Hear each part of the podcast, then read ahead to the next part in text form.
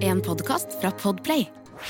David Bowie, geni og stifinner. I didn't strive for success. I strived to do something artistically important. Her er Finn Bjelke. Efter den lunkne elpen Tonight skulle det gå tre år før David Bowie igjen velsignet oss med en ny studioplate. I 1987 kom Never Let Me Down, og den som ventet på noe godt, måtte nok en gang vente på neste plate. Og vel så det. For dette var heller ikke den grensesprengende, banebrytende utgivelsen vi håpet og trodde på.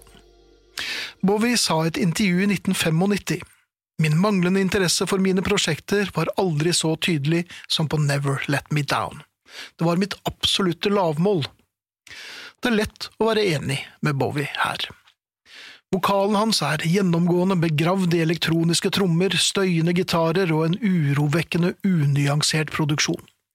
Det er akkurat som om David Bowie prøver å gjemme seg, og det på sin egen plate. Men ingen Bowie-hjelpe uten perler. Time Will Crawl gir oss Bowie nesten tilbake i god form. En solid rocker som klokker inn på drøye fire minutter, hvor Bowies vokal er relativt fremtredende i den ferdige miksen.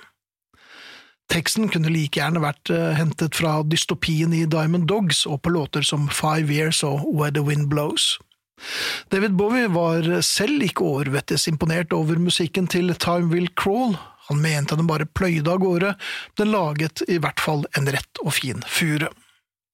Bowie var heller aldri fornøyd med det ferdige resultatet av Never Let Me Down, og ønsket at han kunne spille inn den på nytt.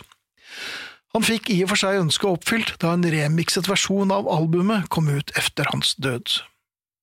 Når det gjelder Time Will Crawl, så er det faktisk den låten som har klart seg best historisk sett. Den relativt spartanske produksjonen og den litt uventede trompetsoloen har gjort at den ikke er så tæret av tidens tann.